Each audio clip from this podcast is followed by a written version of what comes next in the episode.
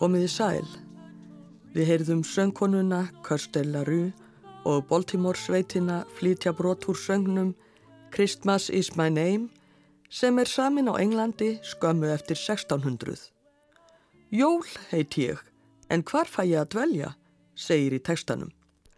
Þeir sem áður heldu jól með tónlist og örlæti í matargjöfum eigða nú peningunum í fín fött og munaðar vörur í lundunum. Og söngurinn hefur undirtitilinn Söngur sem harmar það hver jólunum hefur hnignað á Englandi. Ástæðan fyrir hnignun jóla á Englandi upp úr 1600 mun hafa verið svo að leiguliðar sem áður höfðu borgað leiguna með matvörum voru nú farnir að borga með peningum. Matvörurnar höfðu ítt undir jólaveislur landeiganda þar sem bæði ríkir og fátækir fengu góðgerðir í tilefni hátíðarinnar. Peningarnir freistuðu manna hins vegar til eðslu í eitthvað annað en jólavistlur, til dæmis silkiklæðnað og gullskart. Þetta er samt ekki eina ástæðan sem nefndir í söngnum. Þess er getið að mótmælendur og púritannar vilji nú ekkert af jólunum vita. Það séu helst katholskir sem kunni að meta jólinn. Þeir fyrirlíta ekki góðverk og útýsa ekki jólunum, segir í söngnum. Og fyrst hinnir heilögu vilja ekki gera neitt gott, væri best fyrir mótmælendur að gerast pápistar líka. Þarna bendir höfundur söngsins á mikilvæga viðhorsbreytingu í trúmálum sem farin var að riðja sér til rúms. Margir heldu því fram að jólinn væri ekki kristileg í eðli sínu, heldur sindsamleg hjátrúarháttíð uppbrunnin hjá pápistum eins og katholskir voru kallaðir. Það voru engum púritannar sem höfðu þetta viðhorf og höfundur söngsins Christmas is my name átti eftir að sjá mun meiri hnignun jóla en þá sem hann kvartaði undan í söngnum. Árið 1644 fyrir skipaði enska þingið þar sem púritannar höfðu tökl og haldir að jólinn skildu bönnuð. Í þessum þætti verður fjallaðum bönnuð jól. Jólinn hafa verið bönnuð í ýmsum löndum og á ýmsum tímabilum í sögunni og eru jafnvel enn bönnuð í sömum löndum þar sem önnur trúarbröð en kristni eru ráðandi. Hér í þættinum verður hins vegar engum fjallaðum þrjá staði og tíma þar sem jólinn voru bönnuð eða lítinn íllu auga, England á valda tíma Púritana 1644 til 1660 og Sovjetríkin og Kúbu á 20. öld. Það á við um öll þessi lönd að flestir þegnar landsins höfðu alist upp við kristna trú svo það var ekki sakir annara trúarbræða sem jólunum var útýst. Aðdragandin að jólabanninu á Englandi árið 1644 var kvorki meirann í minna en heil borgarastyrjöld.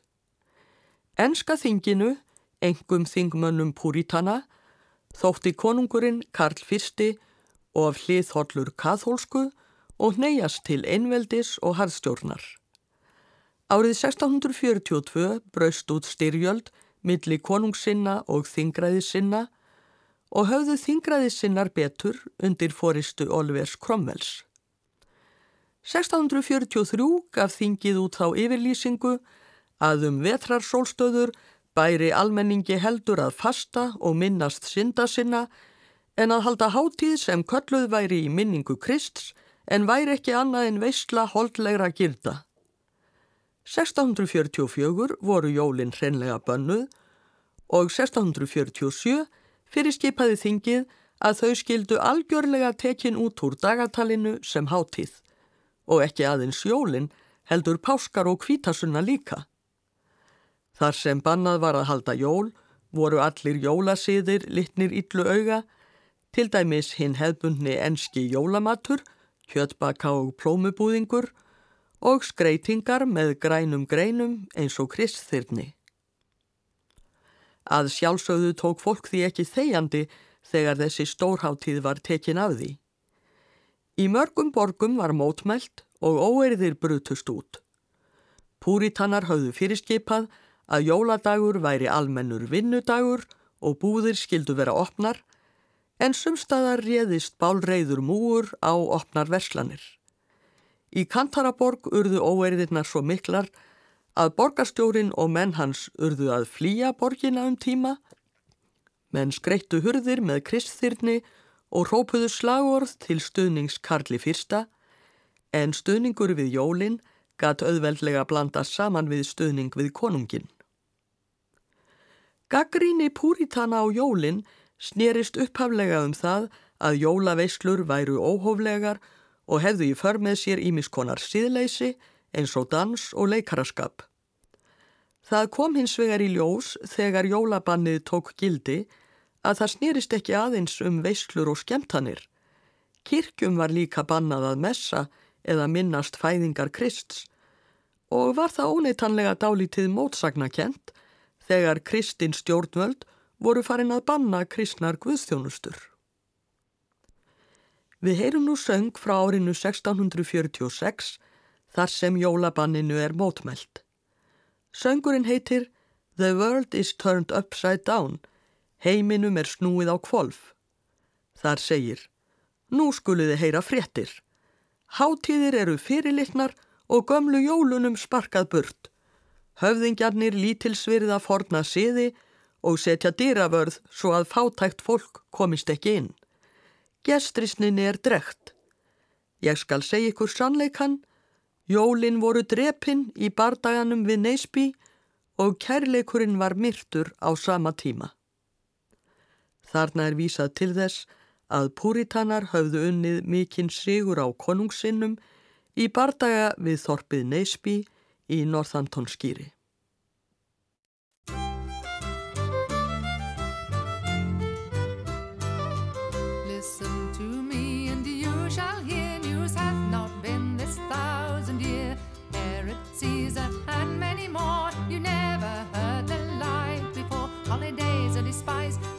are devised. Old oh, Christmas is kicked out of town. Yet let's be content and the times lament. You see, though.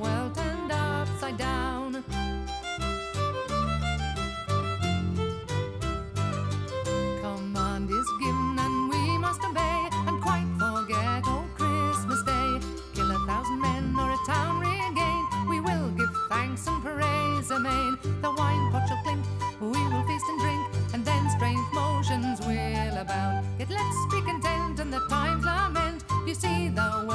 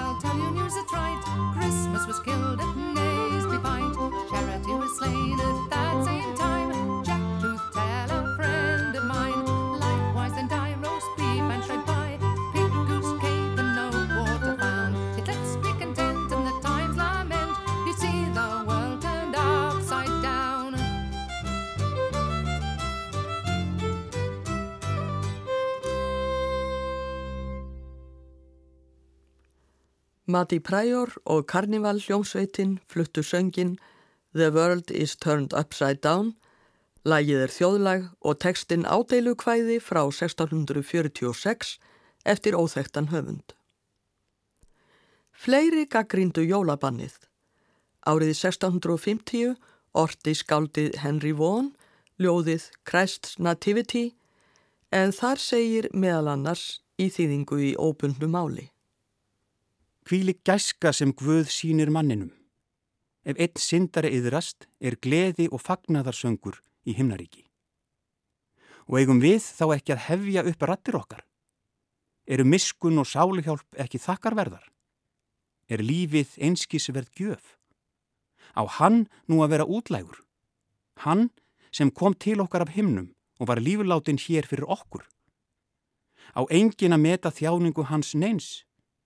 Skipta hvorki kærleikurni kvöl neinu máli? Erum við gerð úr steini eða mold að við minnumst hvorki hinn að blóðugu písla hans nýja blessum dægin sem hann fættist á? Ó Guðminn, nú má ekki lengur telja upp fæðingardag þinn á árinu. Árið 1648 var konungsveldið lagt niður á Englandi og svo átti að heita að landið væri líðveldi en fóringi Púritana, Oliver Cromwell, réði þar mestu. Réttað var yfir Karli fyrsta konungi og hann hálsögvinn. Þessi atburður vakti að sjálfsögðu skjelvingu konungsinna. Þeir litu nú á elsta són Karls fyrsta, Karl Stuart, sem réttborinn arftaka konungsvalsins, en herr Cromwell sigraði herr prinsins í bardaga árið 1651 og Karli Stuart tókst með naumyndum að flýja úr landi. Meðal konungssinna var maður að nafni John Evelyn. Meðan á borgarastýrjöldinni stóð var hann lengst af stattur Erlendis, en árið 1651 ákvaðan að snúa aftur til Englands þó að vonir hans um sigur konungssinna hefðu brúðist. Evelyn var þá rúmlega þrítugur og á samt konu sinni settist hann að í þorpinu Deptford sem þá var rétt fyrir utan Lundunir. Það sem gerir Evelyn sérstakann er það að hann helt dagbækur sem gefa okkur merkilega insýn í þann tíma sem jólinn voru bönnuð á Englandi. Evelyn var að sjálfsögðu algjörlega ansnúin trúarskilningi púritana og jólabanni þeirra. Heyrum hvað hann skrifar um jólinn 1652 til 54. 25. desember 1652 Jóladagur. Engin messa neinstadar, svo við heldum jól heima. Dægin eftir fóru við til Júfsam, þar sem heiðvirður prestur pretikaði út frá 21. kapitula Mattiðsar Guðspjalls, nýjunda versi. Því dægin áður máttu engar kirkjur hafa samkomu, svo hörmuleg breyting var orðin á þeim. 25. desember 1653 Jóladagur. Engar kirkjur eða samkomur svo ég var að halda þennan helga dag hátilegan heima með fjölskyldu minni. 25. desember 1654. Jóladagur. Engar samkomur í kirkjum en refsingar lágu við því að messa, svo ég var að halda daginn hátilegan heima. Ljóst er að Evelyn hefur litið svo á að jólinn stæðu til 13. eins og sjáum á af þessari dagbókarfæslu. Annan janúar 1655. Dægin eftir fór ég til bróður míns til þess að halda þar hátíðlegt það sem eftir var af jólunum.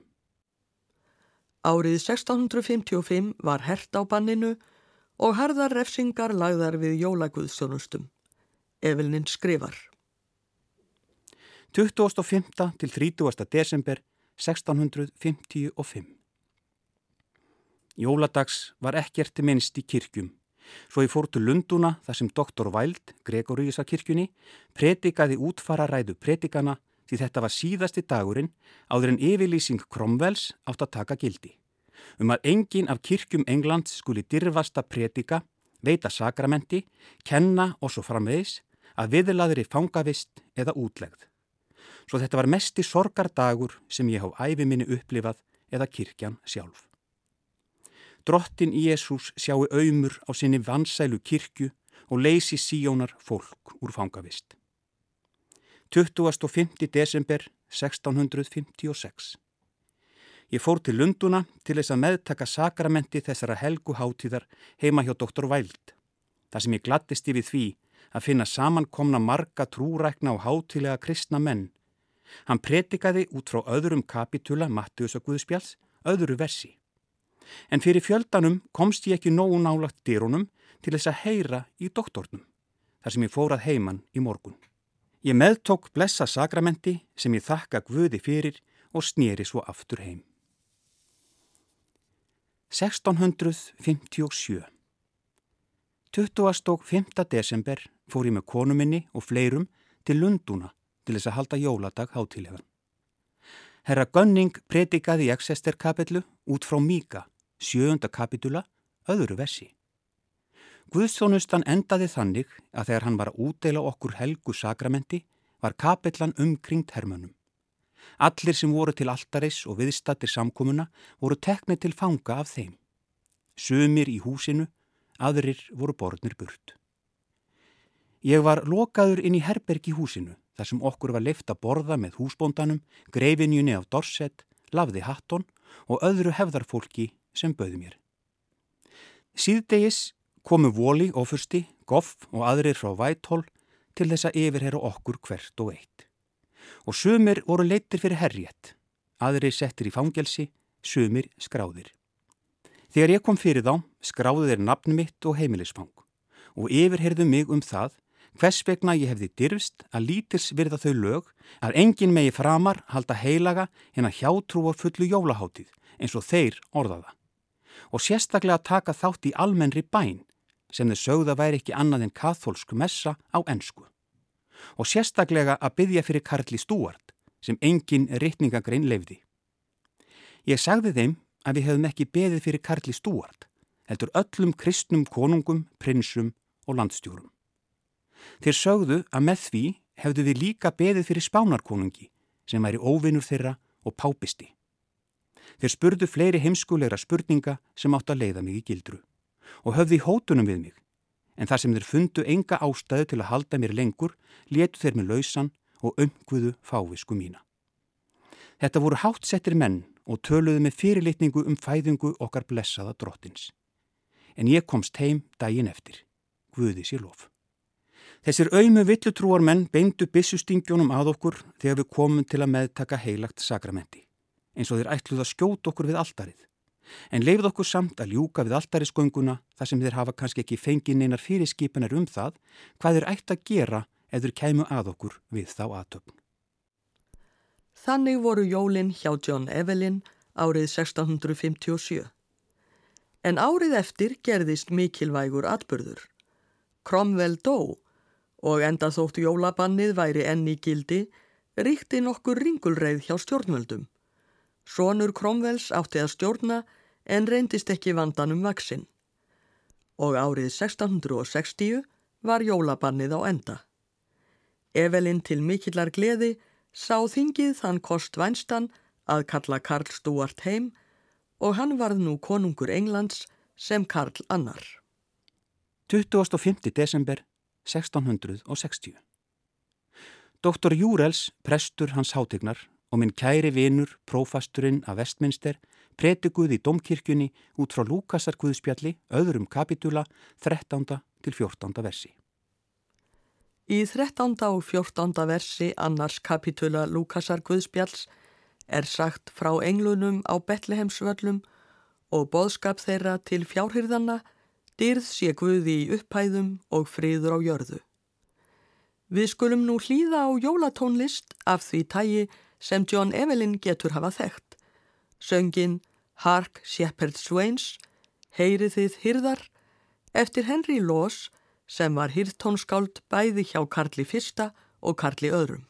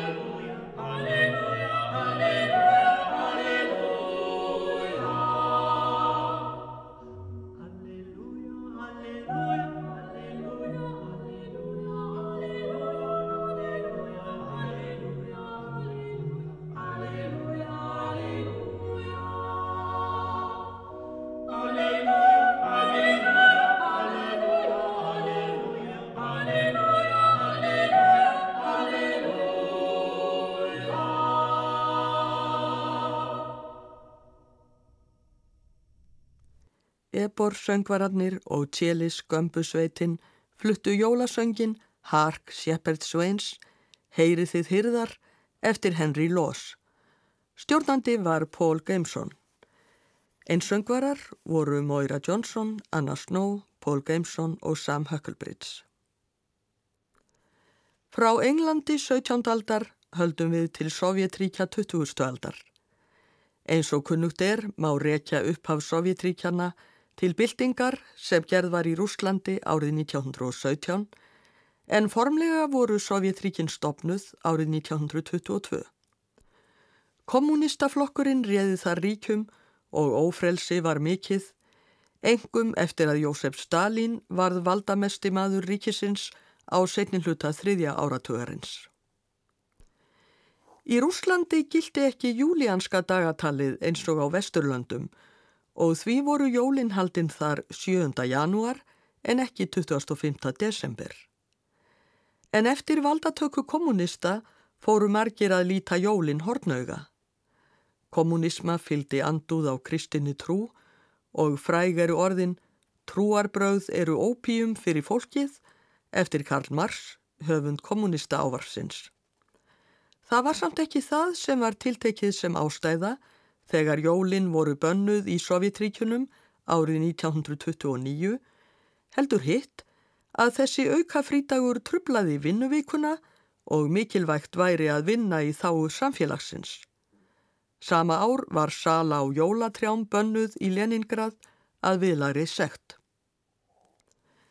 Þetta bann var í gildi í nokkur ár en árið 1935 ákváðu stjórnvöld að gera málamiðlun með því að færa sumar af jólavenjunum til áramóta. Leift var að halda háttíð og gefa gjafir um áramót og aftur var leifð sala á jólatrjám, þau voru bara kolluð nýjástri. Þessi málamiðlun mildaði jólabannið í augum sumra en ekki allra því þrátt fyrir allt voru þetta ekki jól. Trúarlegur bóðskapur jólanna var enþá bannaður. Sumir buðu banninu byrgin og heldu áfram jól. Jafnvel eru til frásagnir á því að föngum hafi stundum tekist að halda leinileg jól í gúlaginu hinnum illræmdu fangabúðum Sovjetríkjana. Í bókinni Gulag a History eftir Ann Applebaum má sjá tilvittnun í Júri Sórin en hann var viðstattur leinilega jólaveyslu sem litáískir fangar heldu í fangabúðunum. Þeir höfðu sapnað vistum til hátíðarinnar í heilt ár, jafnvel laumaðinn vodka í smá skömmtum í skónum sínum. Storinn segir. Hugsið ykkur, í fangabrakka, borð með öllu mögulegu, vodka, skingu, öllu sem hægt er að hugsa sér. Og polvergin Kasimir Sarot segir frá leinilegu jólahaldi í sovjeskum fangabúðum árið 1940. Þar laumaðist prestur á milli fangabrakkana og hjælt Guðstjónustu á hverjum stað. Án þess að hafa biblju eða bænabók fór hann með messutekstan, hinn kunnulegu latnesku orð voru kvíslu svo látt að þau heyrðust varla og svörinn voru svo hljóðulátt að þau myndu á andvarp. Kyrie eleison, Kriste eleison, drottin miskuna þú oss. Kristur, miskuna þú oss. Gloria in excelsis Deo. Orðin stremdu yfir okkur og andrumsloftið í kofanum sem yfirleitt var svo rátt og ruttalegt breyttist á þess að hægt var að gera sig grein fyrir því. Andliti sem snýrað prestunum milduðust og það slaknað á svipnum um leiðum en lögðu sig framum að heyra heið ofur lága kvísl. Öllu óhætt sagði maðurinn sem satt á verði við glukkan.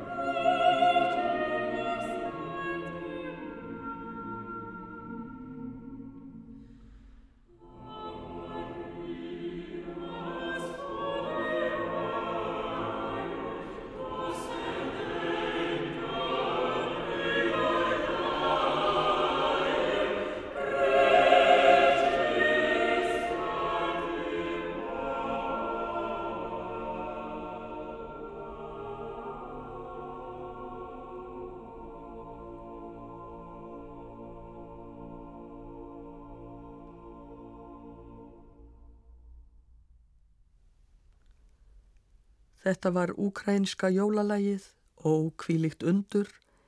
Kaja Úrp söng með eisneska fílharmoníu kammerkórnum, Pól Hillier stjórnaði. Lægið er þjóðlag í útsetningu eftir Vasil Barvinski sem fættist 1888. Barvinski var dæmdur til tíu ára fangavistar árið 1940 en lifði fangavistina af og lést 1963. Ekki þarf að velkjast í vafa um harðræðið í fangabúðunum en hvernig upplifðu almennir borgarar jólapannið? Bann sem stóð þanga til Sovjetríkin lið undir lok árið 1991. Við skulum heyra frásögnar Ræsu Trúsjefsku sem er fætt 19. september 1948 í Úsbekistan en flutti síðar til Úkrænu. Ég komst í samband við Ræsu í gegnum barnabarn hennar, Bosjenu Semovu, sem býr í Reykjavík. Í gegnum Bosjenu spurði ég Ræsu hvort fólk hefði fundið til óþæginda vegna bansins á jólahald. Bosjena les nú svar ömmu sinnar á rúsnesku og samtímis verður lesin íslensk þýðing á svarinu. Дискомфортно чувствовали, да.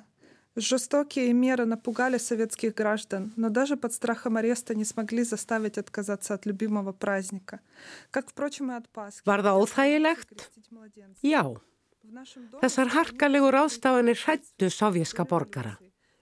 En jafnverð þótt handtaka vofði yfir, gatt ekkert fengið á til að sleppa eftirlætis hátíð sinni. Ekki heldur páskum eða skýrt barna.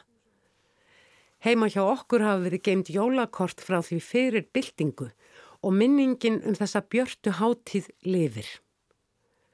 En í stað þess að vera stórkostleg almenn hátíð, því áður stóðu hátíðahöldin í tólf daga með sparifötum og framtíðarspám, varð hátíðin að lokaðri fjölskylduhátíð. Í sömum borgum og þorpum fóru fram leynilegar guðstjónustur.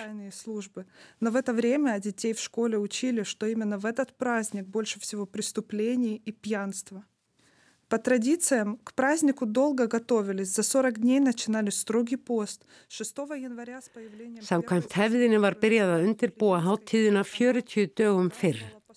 7. janúar er ströng fasta þar til fyrsta stjarnan byrtist, Betlehems stjarnan sem vísaði fjárhyrðunum veginn þanga sem Kristur lausnari okkar fættist. Á borðinu eru tólf kjötlausir réttir, ánum jólkur, smjörs eða eggja. Þeir tákna postuluna tólf. 7. janúar eru sungnir jólasálmar og fæðingu Krists fagnað í tólf daga. En auðvitað var allt þetta bannað. Á tíma Stalins gata kosta fólk í Sovjetrikjunum lífið að hafa aðrar skoðanir. Nú eru tímarnir allt öðruvísi.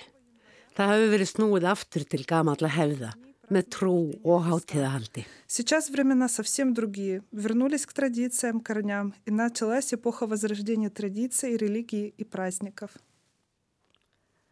Þannig hljómar frásögnur Ræsu Trúsjefsku. Við heyrum nú rúsneskan jólasöng, Hyrðar í Betlehem.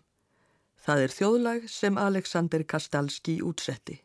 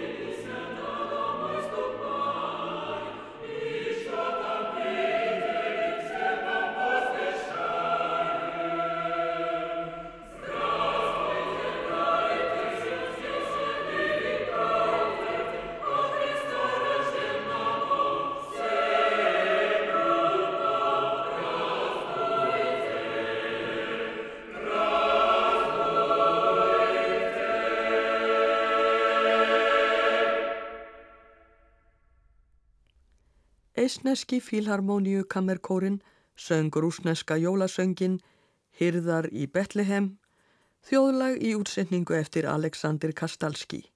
Stjórnandi var Pól Hiljer.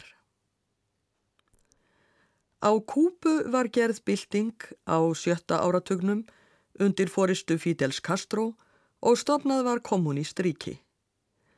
Árið 1969 lísti Castro því yfir að jólaháttíðin skildi afnuminn.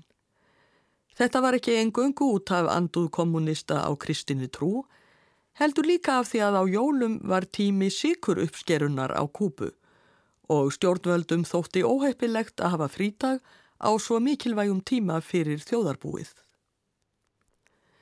Tamila Games Garcel er kúbönskona, fætt 1974 og búsett hér á landi. Ég rætti við hana um afnám jólanna á Kúbu. Og þú vandist ekki jólahaldi á Kúbu? Nei, alls ekki. Ég kynstu jólunum hérna á Íslandi.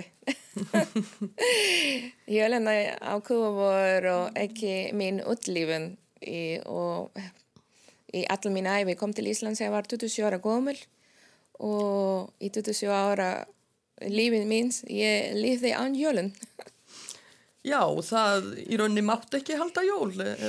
Þannig séð, það var ekki neina svona skrifilegt og ekki neitt lagaleg sé að mátt ekki halda jólun en það var mjög eitthvað sé. Mér minnis að einhver tíma ég spurði að hverju vorum við ekki að halda jólun og fullunni fólki kringum mannin bara ekki að gefa beint svar þau vildu ekki alveg uh, gefa reynd út svara hverju var ekki á því og einhver tíma spurði ég út í skólanum að hverju var ekki heldur jólunum á kubu og mér var satt að því það var í kringum það dagur, 25. des það bara margir bildingamennir þreppnir og þetta er tímabil sem er þett í kúbansk sögu sem páskasangrind er eins og blóðrúgar páskarnar. Og þetta var tíminn til að sirkja, ekki til að halda neinu.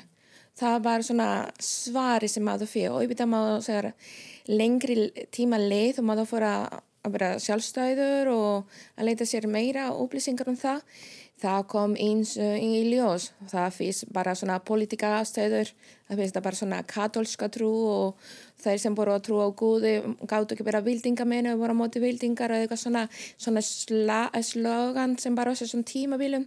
Það var mjög skrítan tímin og svo líka einhver tíma fór ég að lesa og, og, og frétti líka á þessum tímabilum í kringum nokkur ára á ég fæðis, það var sem bannaði í byrjunu 1970 eh, sem var alls setja í stopp. Það var verna eitthvað síkurskerr sem það búin að lofa. Já, út af uh, síkurupskerunni. Já, það var eitthvað, held ég, tíu, tíu, æg, eitthvað óherðalega mikið Já, á síkur. Já, átt að leggja áherslu á það. Já, og svo fólk mátti ekki fá sér frí til að frá úskeruna, það þurfti að ná markmiðinum. Þannig með, með tíman og maður fyrir ímislega að heyra og koma ímislega í ljós. En enga síðan mamma minn held alltaf svona fjölskyldu matabóð af því hún í jólun. Fóreldra mín er vísu hvað jólun voru og mamma mín var svo aðalega það sem bara segja mér frá. Pappa mín bara svolítið vildi ekki tala um málun, það mátti ekki tala um svona hlutir stundun. Hvena var mamma einn fætt? 1951. Einmið þannig að hún myndi eftir jólum. Hvernig voru þau í minningu hennar? Hún er út í sveiti, hún er sveitastelpu og það var drefind kýr og það var eh, haldir rosalega mikið matarveislu og hún bara fátæk, þannig að hún var ekki rík. Og hún bara borða alls konar gómsætur og góður hlutir eins og dóðlur, ég vissi ekki hvað dóðlur væri, svo ég kom til Íslandi og ég vilja endilega smaka dóðlur sem mamma mín bara tala svo mikið hún, svona ímislega og hún var alltaf að segja mér frá og þannig að það var svona sögur, þetta var eins og að leysa bók.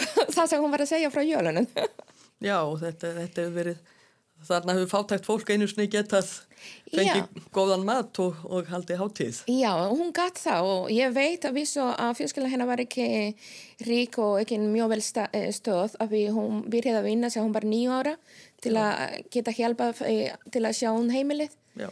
þannig að og líka fólk frá sveitinni þau voru aðalega fólk sem var fátæk ekki með mikið að myndli höndun og þóldi að, að reyna að lífa af árið með úskeruna þeirra Saknaði hún þess að halda jól? Hún saknaði svolítið mikið, hún leiði sér að tala að setja svolítið hálgeri leindu. Þetta er bara hlutur sem voru okkar á milli. Það voru hlutur sem ég mátti ekki fara að tala með nágrinni mín eða með veista vinkona mín. Þannig að maður læriði sér að setja bara svona leindu mittil mömmu og ég. en uh, var móðin trúið? Ekki vein línis. Við, e, e, hún er trúið, hún trúið á Guð, þáltað hún sóti aldrei kirkju, að minnstalega frá síðan sem manns, hún sóti aldrei kirkju.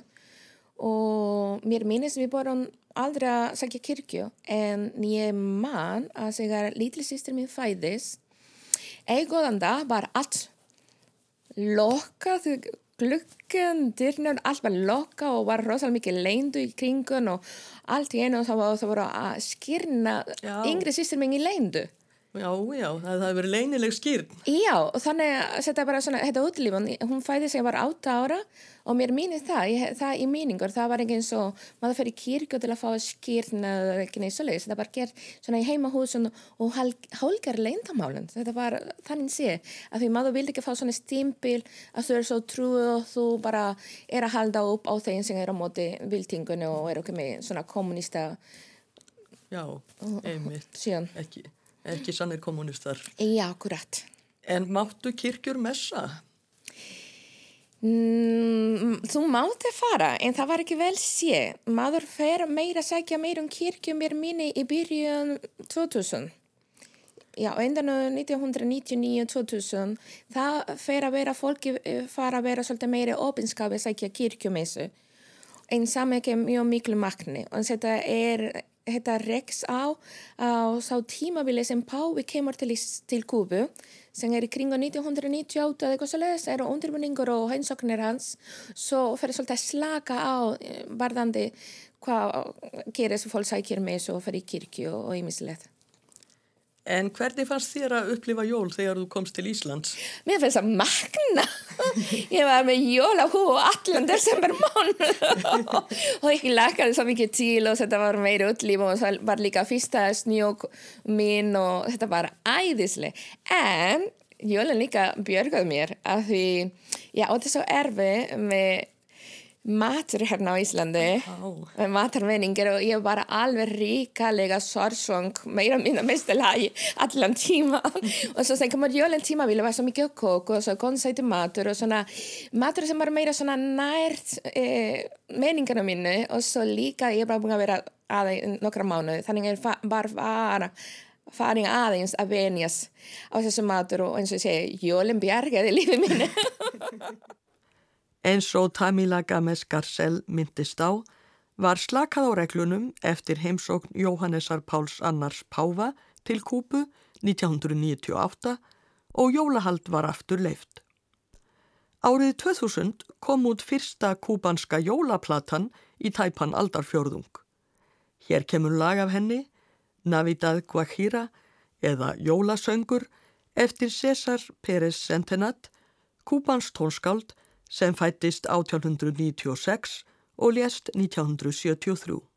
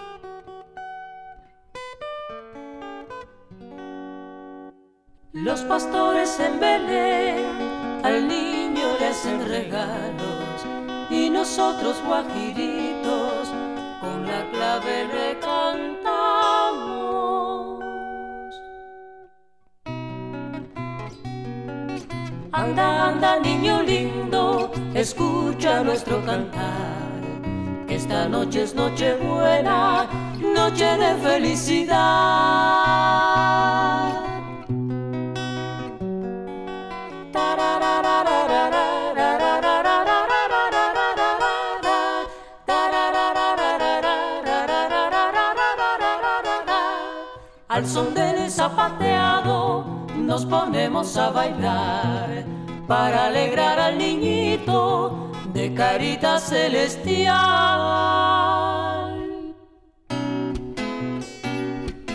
Anda pronto niño lindo y guía nuestro compás, que queremos ser felices en la Santa Navidad.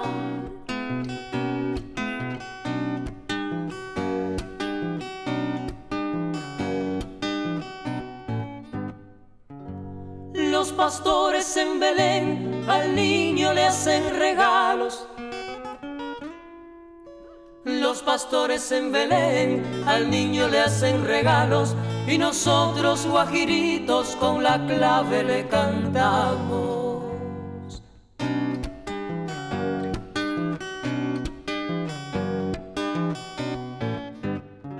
Anda, anda, niño lindo, escucha nuestro cantar. Anda, anda, niño lindo, escucha nuestro cantar, que esta noche es noche buena, noche de felicidad.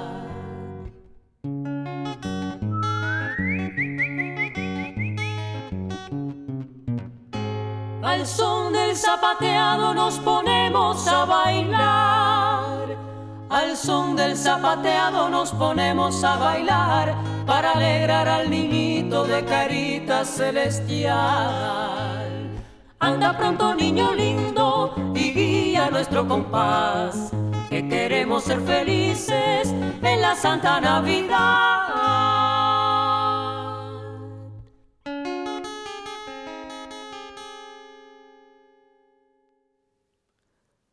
Duot Nigma flutti jólasöng Navidad Guajira eftir César Pérez Sentenat. Á síðustu áratögum hafa stundum verið deilur um það á Vesturlöndum hvort kristileg tákn jólanna eigi við í nútíma þjóðfélagi þar sem sömur borgararnir geta verið trúlausir eða játað aðra trú en kristni. Það má segja að það eigi ekki af jólunum að ganga. Púrítannar bönnuðu þau af því að þau væri ekki kristileg. Á setni árum hafa þau verið gaggrind fyrir að vera kristileg. Þessi gaggríni raunar ekki spá ný. Árið 1984 var kært að jólajata skildi vera hluti af jólaskreitingu borgarinnar Pawtucket á Rhode Island í bandaríkunum og staðhæfiði kærandi að það briti í bága við trúarlegt hlutleysi borgarinnar. Úr varð dómsmálið Lynch gegn Donnelly. Í dómskjölum segir. Í skreitingunum í Pawtucket má sjá margt af því sem venja er að tengja við jólinn. Svo sem hús jólasveinsins, reyndir að draga sleða jólasveinsins, röndóttar brjóstsikustangir, jólatré, jólasöngbara og ymsa tilbúnar verur eins og trúð, fíl og bánsa, mörg hundru ljós í ymsum litum, stóran borða með letrinu gleðilega hátíð og jólajötuna sem hér er umrætt. Borgin á alla síningagripina. Jatan hefur verið hluti af skreitingunum í 40 ár eða meira og má þar sjá hinnar hefðbundnu personur svo sem Jésúbarnið, Maríu og Jósef. Engla, fjárhyrða, vitringa og dýr. Allt frá því að vera 12 cm að hæð yfir að vera 1,5 metri. En rétturinn komst að þeirri niðurstöðu að skreitingin væri ekki ólögleg og bókað var.